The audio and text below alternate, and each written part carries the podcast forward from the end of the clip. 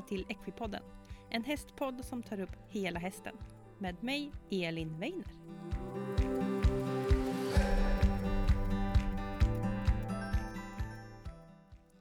Hej alla fantastiska Equipodden-lyssnare och välkomna tillbaka till ett nytt avsnitt. Woho! Jag hoppas ni har det bra och är pigga och glada, för det är jag. I det här avsnittet ska vi få lyssna på någonting som jag själv tycker är väldigt fascinerande och väldigt roligt. Vi ska nämligen prata om frihetsdressyr.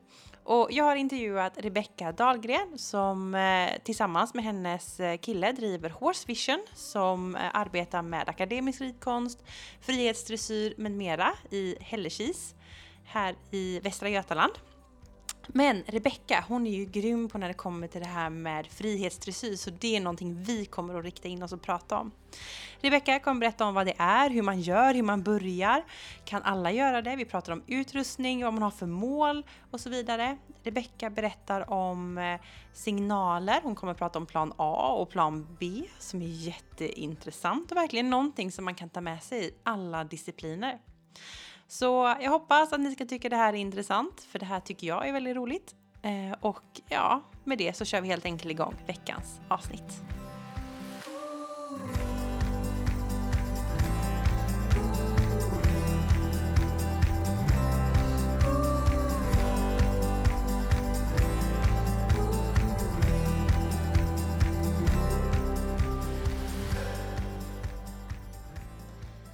Så, då vill jag hälsa välkommen eh, Rebecka Dahlgren. Hej!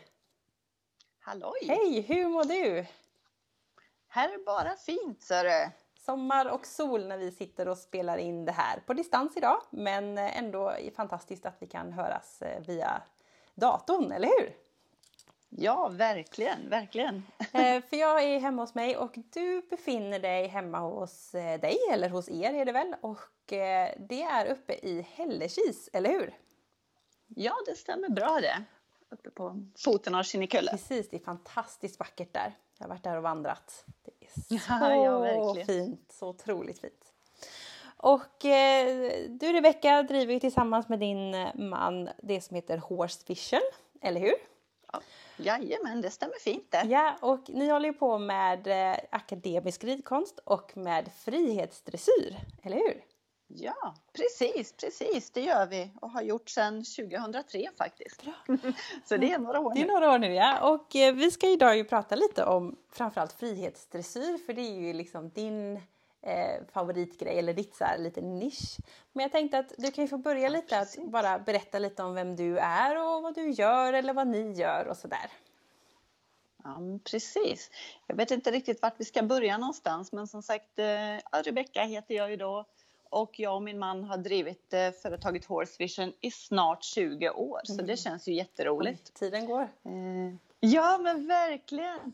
Och i början inriktade vi oss väldigt mycket på att ta emot hästar i träning och så vidare. Men numera så håller vi mest kurser där vi undervisar hästar och ryttare tillsammans. Mm. Så ja, det är roligt. Vi jobbar mycket utifrån ett veckoelevskoncept där eleverna kommer till oss på söndagen och så stannar de måndag till fredag. Mm. Och då får man möjlighet att välja då under den här veckan om man vill träna akademisk ridkonst eller frihetsdressyr eller om man vill blanda och göra lite både och. Mm. Så att, eh, ja, det är en lyxig tillvaro vi har här för eleverna kommer, de har tagit semester och är här för att umgås med sin Mm. häst och oss. Och, ja, så jätte, jättekul faktiskt. Spännande. Och så har ni några egna hästar. Jajamän, eh, just nu har vi tio stycken. Oj, så att, Det var ganska många. de är några, några stycken. Ibland är de något fler, ibland något färre. Ja. Men ja, stämmer bra. Då är det mycket häst om dagarna då. Jajamän, så är det. Spännande. Och, och din lite specialgren det är det här med frihetsdressyr. Och när man hör det här begreppet då, då kanske man får upp lite olika bilder i huvudet tänker jag som lyssnare här. Men eh, jag har ju varit inne och tittat och då ser jag ju eh, dig på en häst utan sadel och träns och med eh, två pinnar. Eller hur? Ja, Eller det skulle man kunna säga. stämmer bra. Jag tänker bara, kan inte du bara berätta lite, vad är frihetsdressyr och, och vad är frihetsdressyr för dig framförallt? Ja, men precis. För det är ju alltså det är en jättespännande fråga egentligen. För man ser att över hela världen just nu så går det ju en våg Mm. med frihetsdressyr. Eller att vi är olika ryttare som försöker hitta olika vägar Mm. att kommunicera och jobba med hästarna utan utrustning. Mm. Och jag tycker det är fantastiskt spännande och jag är väldigt glad att det finns så många olika, i min sätt, nästan lika många sätt att kommunicera på utan träns som det finns med träns Mm. egentligen. Om man ser till de olika disciplinerna. Mm.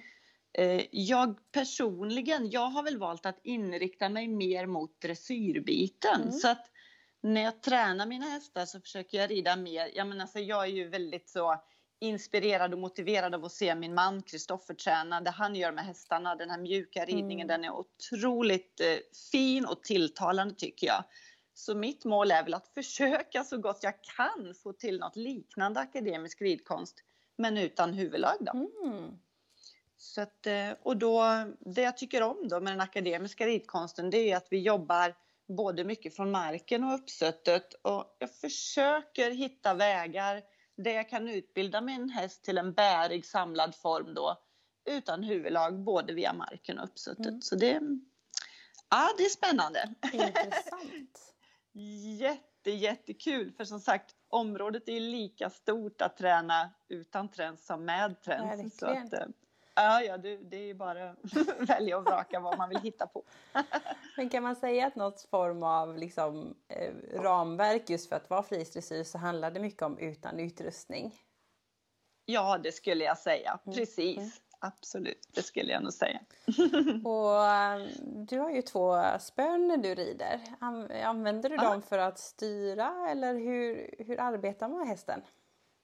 Ja, men precis. Ja, uppsuttet så brukar jag tänka att jag rider med två stycken stick som det brukar kallas Mm. då. Så det är två kortare spön. De är ungefär eh, 70 till 80 centimeter långa. Mm.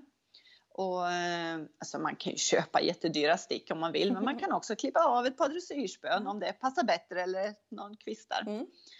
Och sen så tänker jag att när jag jobbar med de här två sticken då så försöker jag jag försöker placera sticken så att om jag lägger den mot hästen som en signal Mm. att det ska egentligen i huvudsak förstärka min sits. Ja, Så att jag på sikt också kan plocka bort sticken. Mm. Eh, så att ganska ofta när jag sitter och rider mina hästar så avslutar jag passet med att kasta bort sticken. För de ska ju vara till för att förtydliga hjälperna, vad jag vill, eh, alltså vad jag önskar av min häst. Mm. Men det, jag ska inte bli beroende av dem utan tanken är att det är sitsen som alltid är den primära hjälpen. Då. Mm. Eh, och utbildningsmässigt då, du sa det att jag har två stick och det stämmer ju bra där. Jag brukar prata om att separera ytterhjälperna från innerhjälperna. Mm. Så att om jag tänker att hästen går på ett voltspår till exempel Mm. och den sticken då som hänger på utsidan av volten då på hästen. Den använder jag mig av för att ha en lite större kontroll, att kunna ha kontroll på riktningen. Jag kan Mm. svänga, jag kan vända, ja men och så vidare. Medan den sticken jag har på insidan och som jag ofta låter vila på mitt innerben för att jag själv ska med sitsen då följa voltspåret lite bättre. Eh, den använder jag för att få ponnyn mera lösgjord eftersom jag vill nå dressyren mer. Ja.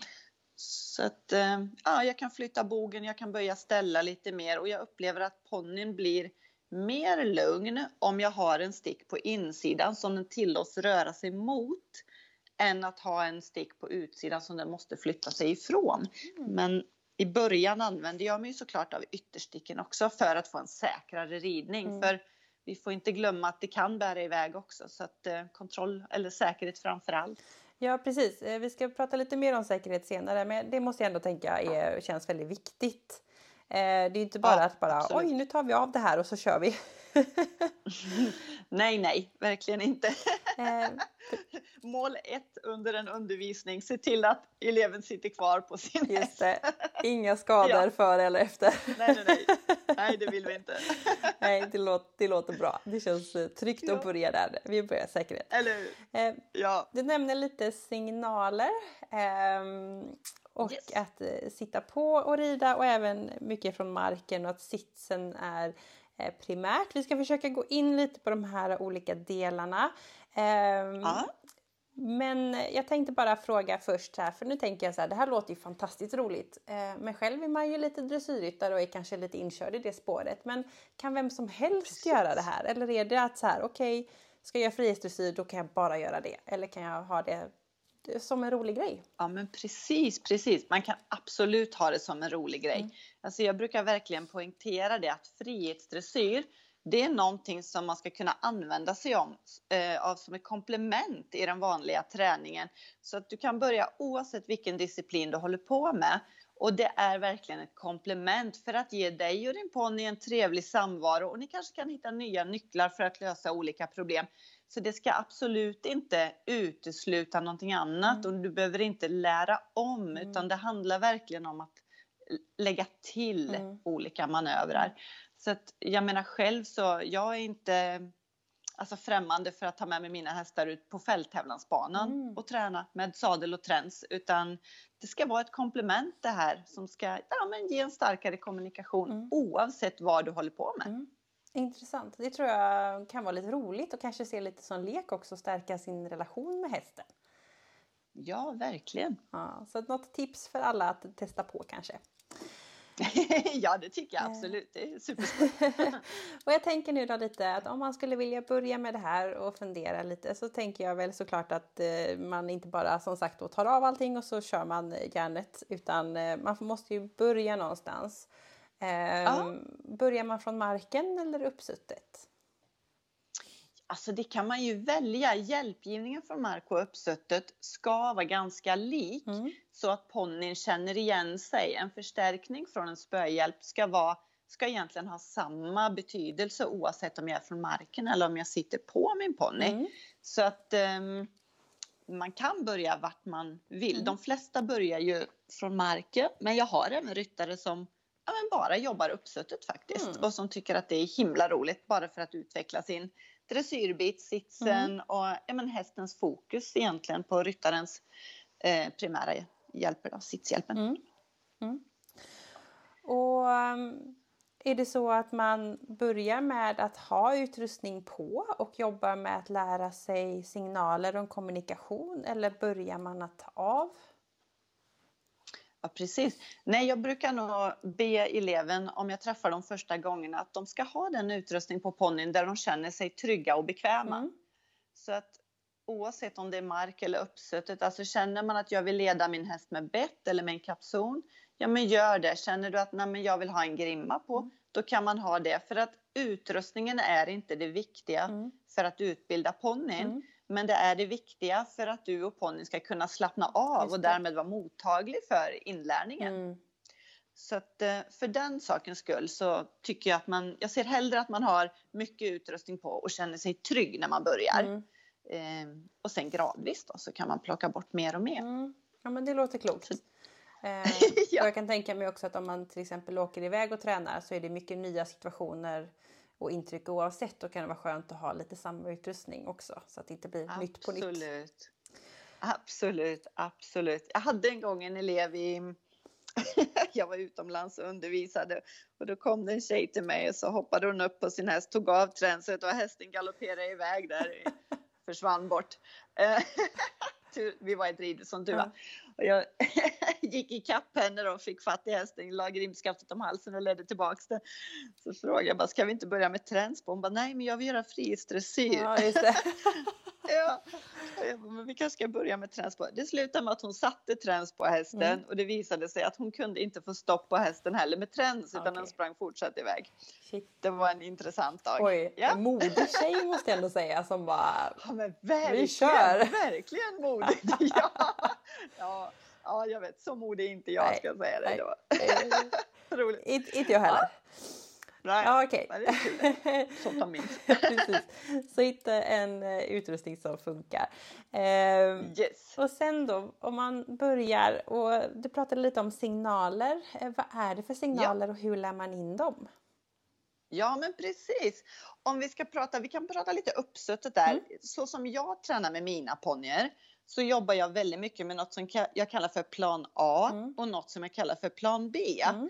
Och plan A innebär att min ponny får röra sig mot signalen jag ger. Så att om jag till exempel driver lite försiktigt med min eh, innerstick bakom min innerskänkel, då vill jag att ponnyn ska svänga åt sticken. Så mm. att om jag rider på en volt och driver bakom skänkeln så vill jag att ponnyn egentligen ja, men minskar volten, att den ja. svänger inåt. Ja. Eh, detta gör, upplever jag, att ponnyn blir mycket lugnare så att jag får en mer harmonisk eh, ponny. Men jag behöver också kunna använda mig av sticken då på ytterbog mm. eh, om den inte lyssnar. Men det är ju plan B, då går ju ponnyn istället undan för sticken. Mm. Vilket gör att det kan också lyfta stressen något i hästen. Så för oss människor är det ganska naturligt att be hästarna att flytta ifrån en signal. Mm. Men för hästarna upplever jag att de lär sig det, att det är så vi människor jobbar med dem. Mm. Men för dem är det mer naturligt att faktiskt röra sig mot en signal. Mm. mm. Och, och igen, det ena ska inte utesluta det andra mm. utan man får och, prova sig fram. Och du upplever det, liksom, du säger att du får en lite lugnare när den rör sig till en signal, eller till yes, då. Absolut. Är det individuellt eller upplever du det på nästan alla hästar du träffar? Ja, nej, det är samma på alla hästar. Intressant. Det är samma på alla hästar. Därmed inte sagt att jag vill ha en häst som springer över mig, Nej. utan det här är någonting vi börjar jobba med när jag ser att eleven kommer in med sin häst och hästen och ryttaren ser avslappnad mm. ut. Har jag en elev vars häst springer över människan mm. och inte kan flytta undan, mm. då är naturligtvis så får vi ju jobba lite med det mm. först. Men ett vanligt lugnt ekipage börjar jag gärna att jobba med att ponnyn ska gå mot sticken oavsett om det är uppsuttet mm. eller från marken. Och hur lär man det då? Jag, tänker just precis som du sa där att det är så naturligt för oss eh, människor att liksom trycka bort och flytta bortåt så. ja. Det måste ju verkligen, och jag tänker ja. har man en häst som kanske är ja, 10-15 och, och ridits hela livet då är ju den också ganska van vid det. Absolut, eller hur? Mm. hur börjar man jo, då? Men så är det ju. Men hästarna är mycket snabbare på att lära än vad vi är många gånger. Ja. Så att när vi ändrar vårt beteende så är de oftast ganska snabba på mm. att hitta nya lösningar och svara. Så det är nog mer vi som har mycket invanda mm. beteenden. Eller i alla fall om jag ska prata om mig själv, mm. liksom, att jag får mycket tänka om och sådär. Men om du tänker att du sitter och rider, om du, vill, om du skulle vilja testa då mm. till exempel, om du tänker att du sitter och rider med vanlig utrustning, sadel och träns oavsett betsling eller typ av sadel så sitter du och rider på din ponny. Mm. Och sen så tänker du dig då att du tar tyglarna i din ytterhand mm. och så låter du din innerhand hänga eh, vid insidan av ditt lår lite grann. Mm. Och bara slappna av. Och därifrån så kan du se om du till exempel kan knacka försiktigt, försiktigt med innerstick bakom din skänkel och se då om ponnyn kan svänga mot sticken. Oftast gör de det för att när du mm. knackar bakom din skänkel så kommer du själv vika dig lite grann i insidan. Ja. Så hela din sits kommer säga kan du svänga lite inåt. Ja, ja. Om vi inte knackar för hårt då kommer ponnyn gå undan. Och det, men det är ju ingenting jag är ute efter just mm. nu då. Och när jag känner att ponnyn svarar på det så kan jag också flytta fram min innerhand till innerbog mm. och knacka försiktigt. Det hjälper min sits att vrida mig mer utåt och kanske får jag då min ponny eller häst att svara genom att flytta sig utåt och öka volten istället. Mm. Så det är sån där man kan börja lite så mm. med tyglar mm. på, bara känna lite, testa lite och se vad som händer. Mm. Precis, och det kan ju vara kul och som du säger bara testa och se när som egentligen. Ja, i sitt ridpass. ja. Absolut, och jag har många ryttare som inte har något mål alls med att rida utan huvudlag. Men där vi ändå jobbar lite med de här signalerna för att ja, men man känner själv lite grann lite mer medvetenhet om hur man använder sin sits och man ser att ponnyn rundar sig ganska mm. fint. Och, mm. ja, det kan ge lite spännande nya infallsvinklar i träningen. Intressant. Det är ju jätteintressant också att känna att det kan ge nytta till det man annars gör också. Liksom. Ja, eller hur? Ja, okej. Okay. Så lära sig flytta lite och testa lite och sådär. Ehm, och stoppsignal då, det känns ju ganska viktig. ja, det, det är jättebra. Ja. En jätte, jättebra idé. Och då använder jag ju som jag sa där plan B, alltså jag ber ponnyn att gå undan för sticken. Mm. Och det är samma där, att vanligtvis så gör jag så att jag skrittar min häst på en volt. Mm. Och sen så ber jag ponnyn att med hjälp av drivning med min stick då på utsidan, på ytterbog, mm. be ponnyn att svänga, alltså vända inåt volten skarpare och skarpare. Och när jag känner att min ponny vänder skarpare och bromsar upp tempot, mm. ja, men då släpper jag efter och klappar ponnyn. Mm. Och gradvis så kommer ponnyn att lära sig att jag kan plocka upp traven och sen så kan jag svänga tvärar och tvärar inåt och ponnyn saktar av. Det här är något som jag kallar lite för nödstopp mm. om man säger. Det är inte så, naturligtvis stannar jag hästen eller saktar av bara för sitsen. Mm. Men jag vill att det ska fungera. Jag vill att jag kan svänga min ponny så att den stannar. Mm. Mm. Om vi drar parallellen till om du sitter och rider med tränspett och hästen far iväg. Mm. Det är klart att då tar du tag kanske eventuellt ganska bryskt i bettet men det är ju inte mm. så du tränar din ponny. Utan det kommer ju med i den dagliga träningen att du gör förhållningar och ponnyn svarar på det. Mm. Så det, det, blir en ganska likadan naturlig process liksom att du känner av att ja men jag kan svänga lite tvärare och ponnyn lättar av bogarna och bromsar upp tempot lite grann när den vänder. Så att det blir ja, men, ja, en ganska naturlig mm. process där. Mm. Ja, men det är nog bra att tänka att ha med det också. Att, att känna att det ska kunna finnas en nödstopp. För att det är som du säger, sitter man på en skenande häst då, då, kan man, då kan man ju rycka till både höger och vänster. För man måste ju bara få stopp. Ja, man kan ju ja, springa ja. över stup ja, eller vad som helst. Liksom. Så det är skönt att veta, att känna att man kan göra någonting eh, så sett. Ja, absolut. Och alltså, när vi kommer in på det, jag har fått den här frågan så många gånger. Men Rebecka, rider du då alltid utan huvudlag? Rider du ut i skogen utan huvudlag? Har du ridit in din häst utan huvudlag mm. och så vidare? Och som sagt, jag har ju testat alla de där grejerna och jag kan rida mina hästar utan huvudlag i skogen. Absolut och har gjort många gånger.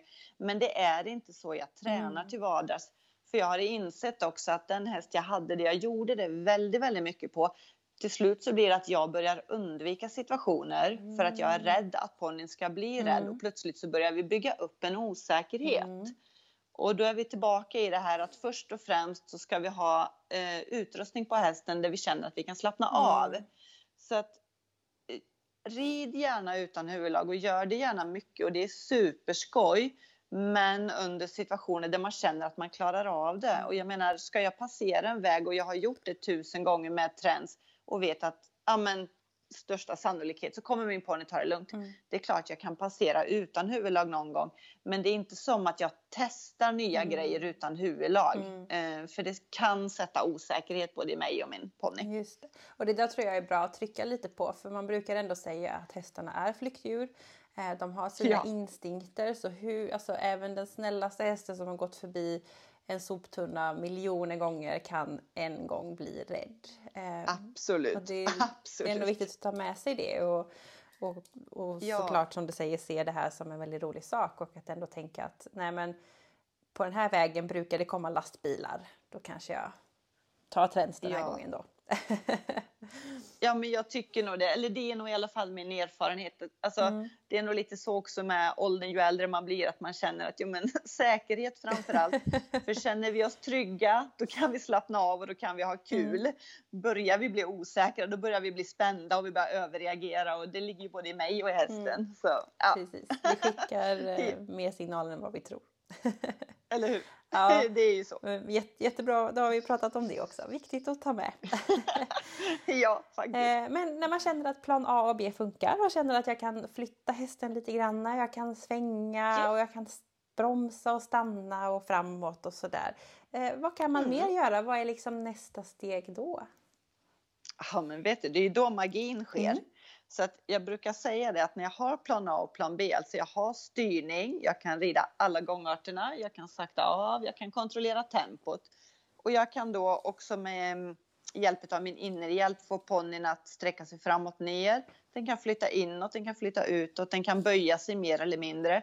Då börjar jag balansera upp eh, hästen under min sitt. Mm. Och sen då känna att jag kan lägga på rakriktning via ytterhjälp men bibevara en lösgjordhet på insidan. Mm. Och då kan jag börja få ponnyn att bära sig. Det är där samlingen kommer in mm. utan att jag har lett in det via tyglar eller bett först. Mm. Och det, det tycker jag är så himla spännande. Det är det jag brinner allra, allra mest för. Det här när man ser både på mina egna ponnyer och elevers ponnyer, det här när magin sker, att när förståelsen finns där och avslappningen, att du plötsligt kan samla upp ponnyn och den väljer att bära sig i form. Mm. Utan att det liksom inte är en inlärningsvägen, utbildningsvägen har varit utan huvudlag. Det är inte att vi har lärt den att jag trycker på en knapp med bett och då ska du svara och sen ta bort transit. Utan det är verkligen en förståelse för hjälpgivningen. Mm. Jag tycker det är, ah, det är nästan det som gör mig så här mest bara wow, det här borde alla få känna på. ah, häftigt! riktigt, riktigt häftigt. Mm. Så då kan jag börja rida, ja men bland de första övningarna jag gör det är öppna på volt för den ger väldigt mycket naturlig bärighet. Jag vet att många tycker den är jättesvår, men för mig så får jag en korrekt öppna så får jag en korrekt lösgjordhet på insidan och korrekt lyft på ytterbog, att den verkligen lyfter och placerar ytter framben så kommer hästen börja bära sig i form mm. och det är liksom ja, fantastiskt roligt. Och en öppna på volt då för lyssnarna, då har du, du går runt på en volt och så har du bogen ett snäpp innanför så att ytter framben Exakt. hamnar eh, framför inner bakben, eller hur? Jajamän, precis. Eh, ja. Intressant. Det känns ju, ja. det är svårt att göra som sagt eh, med utrustning. Ja, ja. ja faktiskt. Ja. Men det, det är liksom, kan man få till öppnan på volten då, då sker det nästan alltid magi. Mm. Det, är som, mm. Ja, det är riktigt häftigt. Och såklart när man rider på en volt det blir ju som att ponnyn får ju ligga i en rak öppna egentligen två steg och sen så blir det lite skarpare vändning och sen blir det rakt två steg. Så att det blir nästan som att jag tänker, jag brukar säga till mina elever att de ska tänka att de rider en oktagon. Mm. Det är liksom mm. massvis med hörn på en volt. Det blir liksom inte en volt riktigt när man Precis. gör öppna på volten. Men, ja. Jag har också hört den här, eh, man ska tänka att man har lagt tändstickor i en cirkel så är den lite kantig, att det ja, blir små, exakt. små hörnen hela tiden. Exakt, exakt, det blir som en oktagon, det är precis samma. Ja, för då får man den där bärigheten. Mm. Coolt. Eh, Så bärighet och, och sådär. Vad, vi pratade lite innan vi började spela in här att jag sa att nej, om man till exempel har kommit från den engelska ridskolan som de flesta i Sverige har, tror jag. Mm. Eh, jag också. Då ser man det här framför sig att okej, okay, först är det lätt dressyr och sen så är det någon slags medelsvår dressyr, då kommer det byten och det kommer eh, skolorna och skänkevikningar och sånt där och sen så blir det svår dressyr och då kommer det liksom samling och piaff och passage och piruetter och grejer. Liksom, jag tror många liksom ah. har den bilden framför sig. Är det lite ja. samma tänk i, när man är i frihetsdressyren? Är det liksom samma mål man har framöver också? Ja, för, för mig är det mm. det. Häftigt. som sagt, det ju, beror ju på vad man vill ha för inriktning. Liksom. Men som sagt, mitt mål är först det här förståelsen för hjälperna. Mm. Att ponnyn ska hålla ett lugn och den ska förstå ytterhjälper och innerhjälper. När den gör det, då handlar det väldigt mycket bara om att utbilda ponnyn ja, men samma väg. Så att jag mm. börjar ju också, som jag sa där med skolorna, mm. så att det blir öppna på volt. Sen blir det oftast skänkelvikning efter det. Den tycker jag också är väldigt eh, bra. Mm. Eh, innan jag börjar rida lite sluta och även rakriktad i samling. Då. Mm. Eh, och därifrån jobba vidare så mycket man bara kan. Mina gör även de piaff och lite passage och sådär. Så, ja. Häftigt! Ja, roligt. Jätte, jättekul. Superhäftigt. Eh, ja, väldigt intressant eh, att höra och väldigt mycket konkreta tips. Det gillar jag framförallt i poddsammanhang. ja, ja, vad bra. Ja, det är svårt att förklara men som sagt. Eh, ja, men väldigt ja, målande. Ja, det är roligt. Eh, roligt, roligt. Jag tänkte jag skulle loopa tillbaka lite till utrustning. Eh, för mm. som sagt att eh, om man till exempel känner så här att men jag är inte trygg att ta av trends för att jag känner att jag vill ha en mm. stoppsignal att kunna ta i tyglarna om jag skulle bli rädd eller om det skulle hända någonting. Absolut. Eh, kan man göra allt det här och låta det hänga tyglar eh, eller kanske knyta upp dem eller sådär och ändå jobba med kanske utan sadel om man känner sig trygg i det. Kan det vara där utan att det stör? Ja, eh, till viss del skulle jag säga. Mm. Ehm, jag brukar, jag brukar be mina elever, när jag ser att de kan galoppera utan huvudlag, mm. då brukar vi börja faktiskt plocka av huvudlaget åtminstone i skritten lite grann mm. sen. Ehm, och varför jag ändå är lite ivrig att plocka bort huvudlaget, det är att när jag inte använder mig av tyglarna, mm. när jag ber min ponny att samla upp sig, så kommer den kröka på nacken lite grann och tyglarna kommer hänga och slänga, mm. vilket blir lite som en korrigering att jag vill att den lyfter upp huvudet igen. Ja, precis. Eh, men kan man se att tyglarna är ur vägen, att man kanske har grimskaft på en sida eller sådär, så går det jättebra. Mm. Men jag törs också lova att de eh, ryttare där ute som känner att ja, men de här plan A och plan B, innerhjälper och ytterhjälper sitter, jag har skritttrav galopp utan huvudlag. Steget att ta av huvudlaget i skritt, det är inte så långt mm. borta och mm, ja, man får ett annat mm. fokus. Just det. Och att vara inom fyra väggar och sånt där. Eh, ja, men du, i mm. tillägg, mm. jag rider ju såklart, jag har alltid halsring också när jag rider. Ja, jag tänkte vi skulle komma in på det, för jag har ju sett att man kan ha halsring också. Ja, då tar vi det. Precis. Vad, vad är det då? Ja. Ja, men precis. Varför ska jag ha en halsring då? Nu när jag ändå kommunicerar med sticken. Jo, vet du, jag har åkt av för många gånger. Jag har väl blivit gammal och grå här på sistone. Nej, men jag har insett att min halsring, den använder jag för att jag vill att min ponny, eller egentligen bara för att jag ska kunna slappna av mer i min sits. Mm. Så jag lägger inga signaler i halsringen. Mm. Såklart kan jag ta en förhållning om jag behöver backa första gångerna kanske. Mm. Men min målsättning med halsringen är om du tänker att du sitter på en häst mm. och den travar runt på volten och du inte har någonting att hålla i, ingen man, ingenting utan bara sticken. Mm. Då är det lätt att man blir lite framåtlutad mm. Bara för att du vill ha den där säkerhetsmarginalen om ponnyn hoppar åt sidan mm. så att det, det, är lätt att man blir lite spänd i sitsen. Mm. Och då ser jag att om jag sätter på min ponny en halsring och ber ryttaren att hålla ytterhand i halsringen eftersom ytterhanden ändå vilar vid manken, innerhand vilar ju bakom mitt lår. Mm. Så, och ser att ryttaren kan hålla i halsringen, då blir det per automatik att man som ryttare vågar mm. slappna av, vågar komma tillbaka med överlivet lite mer och låta hästen jobba mer i fred. För att om den skulle fara iväg så har du fingrarna kring halsringen och du åker i alla fall inte av baklänges. Mm. Så att det är också det tillåter en mer avspänd ridning mm. även om jag inte lägger några signaler i det. Ja, det kan ju vara en liten mental grej liksom att man ändå känner att någonting är där eh, för ja. sin egen del. Absolut, mm. absolut. Och den, jag lovar, den har hjälpt mig många gånger. Jag har åkt av många gånger utan den snällaste häst som sitter och, eller travar i form, lugnt och sansat, som rätt som det är blir skrämd och far iväg. Ja. Det räcker ju med ett språng ja. liksom, är man ju. Så, ja. ja. Nej, jag tycker halsringen är ett bra komplement mm. för att ge en lugnare signaler mm. till min ponny. Okay. Men eh, du gör inga, för jag har också sett eh, folk med halsring som liksom tar den åt olika håll och sådär för att svänga. Så, men det gör inte du. Du skickar inga signaler där utan du använder sits och dina sticks.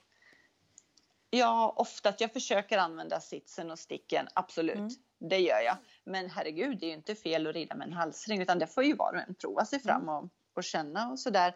Men jag tycker att det har varit bättre för att få min ridning mer och mer i sitsen. Jag personligen har blivit så att då när jag har ridit bara med halsring att det blir lätt att det blir lite som en tygel, att jag drar lite för mycket i mm. halsringen istället för att eh, komplettera med min sits. Mm. Men alltså, det är olika hästar och man får prova sig ja. fram som sagt. Det kan ju vara, jag, jag, tänker utifrån mig själv nu då att man kanske tänker att eh, man, man tar lite stöd, att jag lägger min balans i att mm. hålla i halsringen kanske. Eh, då kan det ju, ja, om man inte har så bra balans själv. ja men eller hur. Ja, och, alltså som sagt det finns inga rätt och det finns inga fel. Mm. Man måste prova sig fram.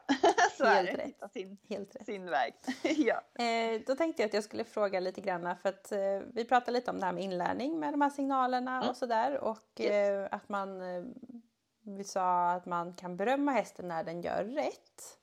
Ja. Ehm, använder du mycket röst då eller är det godis som gäller eller är det kli på bästa stället eller hur, hur använder du beröm? Ja, men precis. Så det första jag vill lära mig på alltså, det är egentligen bara att jag tillåter den att slippa stressen. Mm. Alltså, det låter ju fel, jag vill ju inte jobba mina hästar stressade överhuvudtaget. Men det här att vi bara kan stå och koppla av tillsammans. Mm. Sen om jag klappar och kliar eller om ja, vi bara står och betar en stund. Det kan vara ganska avkopplande sådär. Mm. Um, just med godis så absolut använder jag godis för jag tycker det är ett bra komplement för att lära in manövrar. Man får en ganska hög motivation i ponnyn. Mm. Men eh, jag, i min värld så tänker jag med godis ganska mycket som plan B. Mm. Alltså det ger lite snabba svar mm. men det är ingenting som jag vill bli beroende av mm. utan jag, jag, försöker klappa och klia och pausa och använda rösten mycket eh, till mina hästar. Mm. Så jag brukar säga så här, när jag tränar mina tre hästar på morgonen så tar jag en handfull med godis och lägger i fickan. Mm. Och när jag har tränat mina tre hästar då är pelletsen slut. Så de har väl fått två, tre gånger var mm. under passet mm. kanske. Ja. Mm. Något sånt. Ja. Lite grann som förstärkning. Ja, men om det är någon manöver vi jobbar med som jag inte är så himla bra på att förklara och min ponny verkligen försöker, mm. då kan det vara trevligt att uppmuntra ponnyn lite extra. Ja, ja, precis. Mm. Ja, ja, ja, allting hänger ju på oss, eller hur? Ja, jag gillar du sa det som jag inte är så bra på att förklara, men hästen försöker. Ja, ja. ja men eller hur, det är fantastiska ja, djur. Jag känner, jag känner igen den känslan lite grann alltså. ja.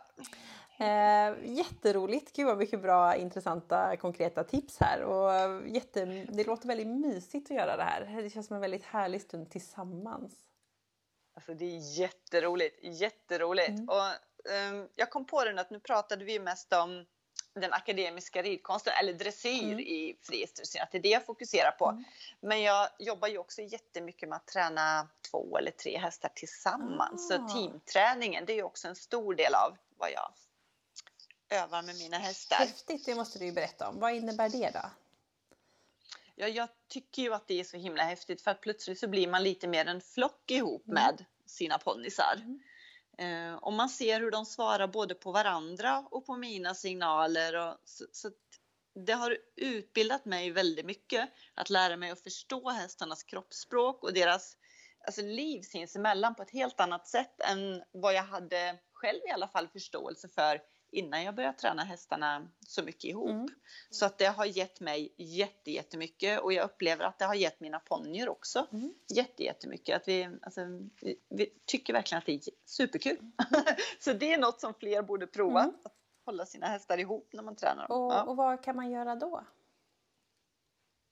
Ja, du kan göra allt som du kan göra med en häst. Jag kan ju rida på en häst och ha en eller två lös vid sidan. Och jag kan ju även jobba från marken då som sagt med att de ska komma, vända, gå på mm. volter, gå alla gångarter och man får tänka lite annorlunda när man har tre hästar. Det gäller verkligen att alla hästarna är lugna, mm. harmoniska mm. så att när jag lägger en signal så får jag alla mina hästars uppmärksamhet mm. så att jag inte har en häst som står och gissar på någonting och en häst som är lite stressad utan det är det här att verkligen få hästarna in i rätt mod mm. Eh, så att samtliga är mottagliga för signalen. Mm. Och, och jag tänker att om man skulle säga sitta på en häst och så har man en häst bredvid. Eh, mm. Gör du signal på båda hästarna då eller gör du signal på en häst och den andra hästen följer häst nummer ett liksom? Ja men precis. Eh, då blir det ofta så att den jag rider på den svarar ju utifrån mina sitshjälper. Mm. Oavsett om jag rider utan träns eller med träns på den. Det beror lite på. Mm.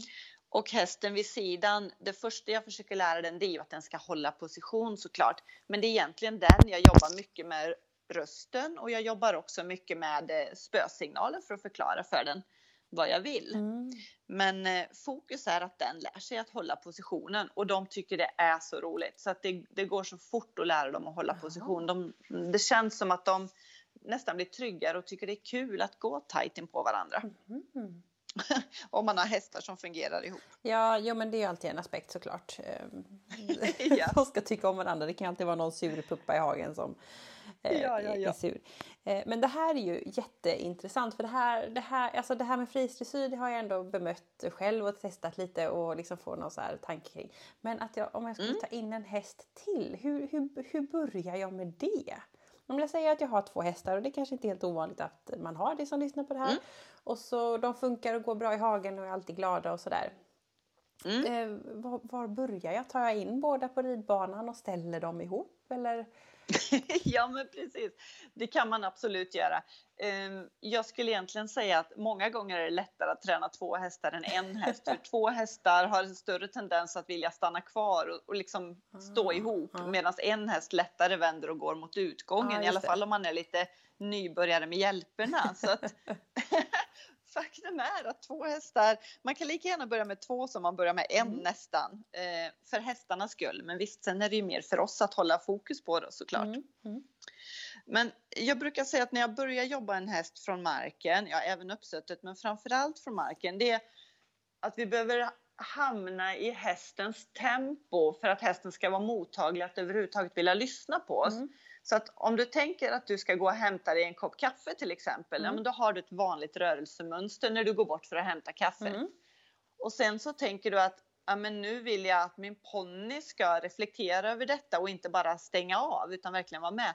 Då behöver jag nästan bromsa tempot till två tredjedelar av den hastighet för att min ponny överhuvudtaget ska börja notera mina signaler. Mm. Så det här är någonting som jag jobbar jättemycket med när jag får både med mig själv och mina hästar men också med elever. Att vi människor vi är oftast ganska uppskruvade, vi är lite snabba och lite kvicka i våra mm. rörelser och så förväntar vi oss att ponnyn ska bli kvick och snabb i våra tempo. Men det sätter oftast lite spänning i hästen. Så att det bästa jag kan göra det är att, jag brukar säga det, du får tänka som att du har haft en dålig natt och du är väldigt trött liksom. Bakis eller något. Jag är lite slow idag. Liksom, ja men precis.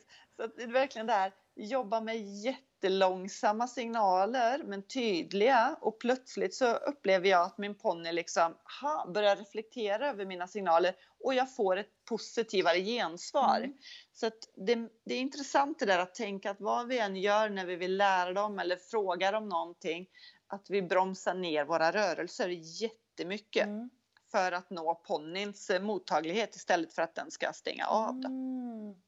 Det där är väldigt intressant. Eh, vi blir lätt lite yviga eh, som människa. Ja. Och hästarna är ju, ja. tittar man på dem i hagen så är det bara en blick eller en vinkel på örat så fattar hela flocken att shit liksom, nu får jag hellre hålla ja. undan.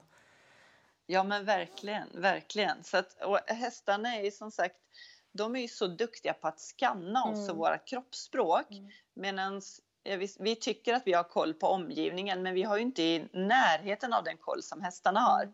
Mm. Så jag upplever verkligen det här att när vi börjar göra saker långsammare, blir mer medvetna om vad vi gör, så plötsligt så är det som att hästen klickar in på kroppsspråket och följer på ett helt annat sätt. Mm. Mm. Så det är lite spännande. Mm. Verkligen, och det här känns ju, alltså när jag lyssnar på dig så tänker jag mycket kring eh, att det här är ju lite som du sa, lite i förbifarten precis i början, att man som ryttare blir mer medveten om vad man gör för signaler och vad man mm, skickar ut. Absolut. Och att eh, absolut. det här verkligen kan vara en väg att oavsett vad man håller på med att man kan Ibland hör man dressyrtränare som skriker så ah, du måste renodla dina hjälper. Eh, att man alltså gör mycket hjälper eh, när man egentligen bara behöver göra en hjälp. Och ja. här känns det som att man skulle kunna få väldigt mycket hjälp. Absolut, absolut. Och precis som du säger där, alltså att jobba med en signal i taget. Alltså det är så viktigt upplever jag för att få ponnyerna att svara. Och det är om du tänker att man själv sitter och rider. Om min instruktör säger till mig, Rebecka ta axlarna mer tillbaka. Mm. Då är det inte så svårt för mig att göra det. Mm. Men om instruktören säger Rebecka ta axlarna tillbaka, titta på bokstaven H och sen trampar du ner hälarna och lägger an ytterskänken. Plötsligt har jag glömt bort det första. Yeah. Liksom.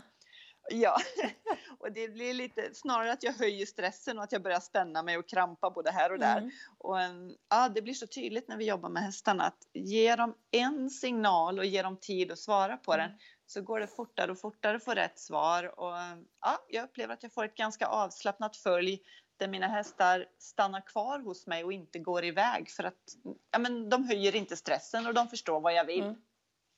Sen är det klart att jag kan tappa hästarna, det är inte så. det kan hända oss alla. Ja, men precis. ja, men det minskar i alla fall risken. Mm. Ja. Mm. Det låter bra. ja.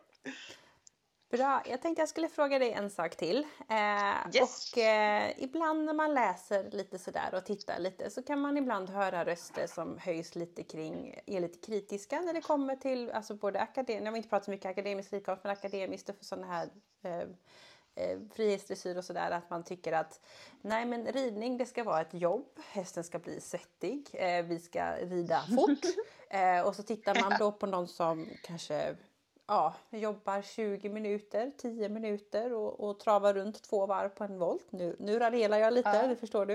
Eh, ja, ja. Men vad tänker du när du, för jag antar att du också hör sådana här kommentarer ibland. Eh, att är det där verkligen ett jobb eller är, ger det verkligen någonting? Och hästen blir ju inte svettig, det blir ju ingen utveckling. Nej, Vad har du att säga lite om man, tänker, om man hör sådana saker? Ja, men precis, men det är ju lite ah, vår egen insikt och var vi hamnar någonstans. Men alltså, det är ju ändå ett djur vi jobbar med. Mm. Och jag menar, jag kan ju lätt tvinga mig själv att ja, men om jag bara springer här nu så kommer ju min ork och min kondition att bli bättre. Mm. Men hästarna förstår ju inte riktigt mm. det. Alltså de är inte riktigt motiverade av att anstränga sig om de inte är lite anspänning och lite flyktiga. Mm. Utan sen är det ju också såklart individer. Jag menar, det finns hästar som mår jättebra av att gå lite längre och som trivs med att jobba mer och mer och därigenom slappnar av. Mm. Medan det finns hästar som är mycket mer Alltså de är mer motiverade av att göra tricks och stå still och titta lite grann. Jag tänker bara på mina egna, mm. två av mina egna här. Jag har ju en arab som är avlad för distans mm. och han, han gillar ju att springa och röra sig mm. mycket. Inte som att jag är på han att han ska anstränga sig. Men han har ju ett annat go i Mm. sig. Mm. Eh, Medan min Welshcob, han står gärna och jag säger, hade han varit människa hade han älskat att sitta i soffan och titta på TV. Liksom. Därmed inte sagt att han inte är motiverad att lära, men han har inte behovet av att röra Mm. sig. Så att jag tror man får känna in individen lite grann och kanske försöka skaffa sig en häst som passar till det som man själv vill göra. Mm. För det är inte roligt att driva på en häst som inte vill röra sig Mm. utan man får nog känna till individen. Jag har inget behov av att rida mina hästar svettiga överhuvudtaget. Jag har ett behov av att ha trevligt och kul tillsammans med min häst och oftast har jag något mål att jag ska försöka få dem att förstå någonting mer, avancera någonting och så fort de bjuder på det, men då är vi ganska nöjda Mm. faktiskt. Då. ja. Fantastisk inställning. Jag tror att det finns nog några som behöver höra det också. Att eh, det är helt okej att bara ha roligt med sin häst och ha, ha mål i livet framåt. Ja, och jag menar hallå, vi jobbar ändå med det här Mm. på heltid. Precis. Fast att vi bara har roligt med våra hästar. Precis. Så det är inte så att man måste vara på dem heller. Nej, man ska göra det man trivs med och vill man rida mycket och långt då får man helt enkelt köpa en häst som har samma inställning Mm. så blir det bra. Mm. Ja. Jättebra, fantastiskt. Ja, det här har varit grymt kul att lyssna på dig och eh, så mycket roliga saker och tankar och eh, ja, massa saker jag själv ska ta med mig och testa här nu. Eh, jag brukar ha lite olika teman i podden och jag brukar fråga lite gäster om de fick välja en sak i stallet som inte är hästen då. Någonting som du känner att du inte kan leva utan. Vad skulle det vara? Någonting som du använder eller något som du känner att det här är så himla bra. Oj! Ja men vet du, jag tycker ju om mitt körspö, Ja. får man säga Ja, så? det får man. För den blir en liten förlängning av min arm. Med hjälp av mitt körspö då kan jag leda mina hästar lös in och ut, till och från hagen och in i Ah. ridhus. Och jag kan liksom utbilda dem till samling. Och, ja, men ett körspö är ganska trevligt. En, en Ja, lång arm att peka på saker. Ja, exakt. Och som sagt, jag jobbar ju i huvudsak med plan A. Mm. Alltså att ponnyn ska gå mot den och inte akta sig. Precis, då är den ju Eh, jättelång och bra och väger inte så mycket. Det är väldigt praktiskt för då står jag inte i vägen när ponnyn säger kom närmare. Har jag en Mm. kort pinne och säger kan du komma närmare? Då säger ponnyn nej du står där så det går tyvärr inte. Ja, så. ja men Grymt ett kul. långt körspö, det, det tycker jag. Mm. Ja. Fantastiskt, den skickar vi med. Och tyckte man nu att det här var så. intressant och känner att oj, jag vill testa på frihetsdressyr. Eh, man kanske testar lite hemma som vi har sagt några små tips här och annars så kanske man eh, eh, letar upp en tränare. Är det lätt att hitta tränare i det här? Ja, men vi kom, det är fler och fler i alla fall Mm. som dyker upp och sådär. Och, ehm, ja, och som sagt, man är alltid välkommen att vända sig till oss. Och Mm. jag kanske ska säga att vi har ju också på vår Youtube-kanal, det finns massvis med steg för steg-utbildningar i frihetsdressyr, Mm. både från allra första grunden och till de som redan rider utan huvudlag Mm. eller redan jobbar stadigt löst från marken. Så det kan man också få lite inspiration. Och tyckte man nu då Ja. att det var väldigt intressant att lyssna på just dig. Eh, hur gör man för att kontakta er? Youtube sa du, vad heter ni där? Eh, Jag tror faktiskt att den heter Rebecka Dahlgren. Mm. Eh, tror jag. Vi, det finns någon gammal Youtube-sida som heter Horse Vision också. Men jag tror att Rebecka Dahlgren är den de får gå in på just nu. Mm, Om man vill. Där händer det grejer. Ja. Och sen så andra sociala Jajamän. medier kanske? Jajamän, vi finns på Instagram och vi finns på Facebook och vi heter Horse Vision på båda. Mm. Så, Och så finns det en hemsida Ja. också. Yesbox, det finns en hemsida och man får gärna ringa och man får gärna mejla. Och, ja. Det är bra. Jag skriver lite i poddbeskrivningen också så ni som lyssnar på det här kan eh, hitta någon länk där om man tyckte det var intressant. Ja. Så får man eh, Och är man nyfiken, jag sa ju det Mm. att vi tar emot veckolever, Ja. men vill man komma förbi en dag eller två utan häst och bara kika, Mm. det går jättebra. Vi tar inget betalt för att man kommer och tittar lite när vi rider, utan det är bara roligt. om man vill får man komma. Det får jag göra nästa gång jag är och vandrar i Kinnekulle. Då kommer jag och det spanar. tycker jag.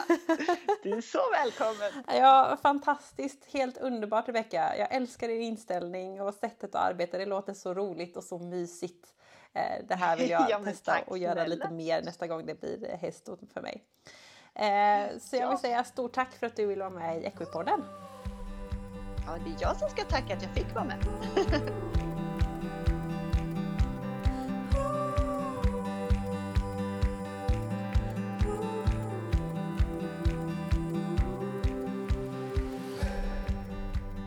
Stort, tack Rebecka för att du vill vara med i Equipodden. ett eh, jättehärligt och mysigt och positivt avsnitt som eh, jag hoppas ni lyssnare tyckte om. Jag tyckte det var intressant och spännande. Hoppas kunna få testa på mer frihetsdressyr i framtiden. Nästa vecka så kommer det bli tuffa tag för då träffar jag Eva Sederholm som driver ett projekt kopplat till avsutten träning på ridskola. Vi har ju pratat innan om avsutten träning och det ligger ju verkligen i ropet och eh, fler och fler upptäcker fördelarna med att träna utanför sadeln, att träna sig själv. Och eh, Eva träffar jag och pratar dels om eh, vikten av träning och så kommer vi att prata en del om problematiken kring hur man får en hel ridskola att göra det här och det är ett superspännande intressant avsnitt med många bra tips och tankar även för dig som går på ridskola och dig som inte gör det. Så håll ut, nästa vecka kommer ett nytt avsnitt. Och så länge önskar jag er en fantastisk vecka. Ha det bra, hejdå!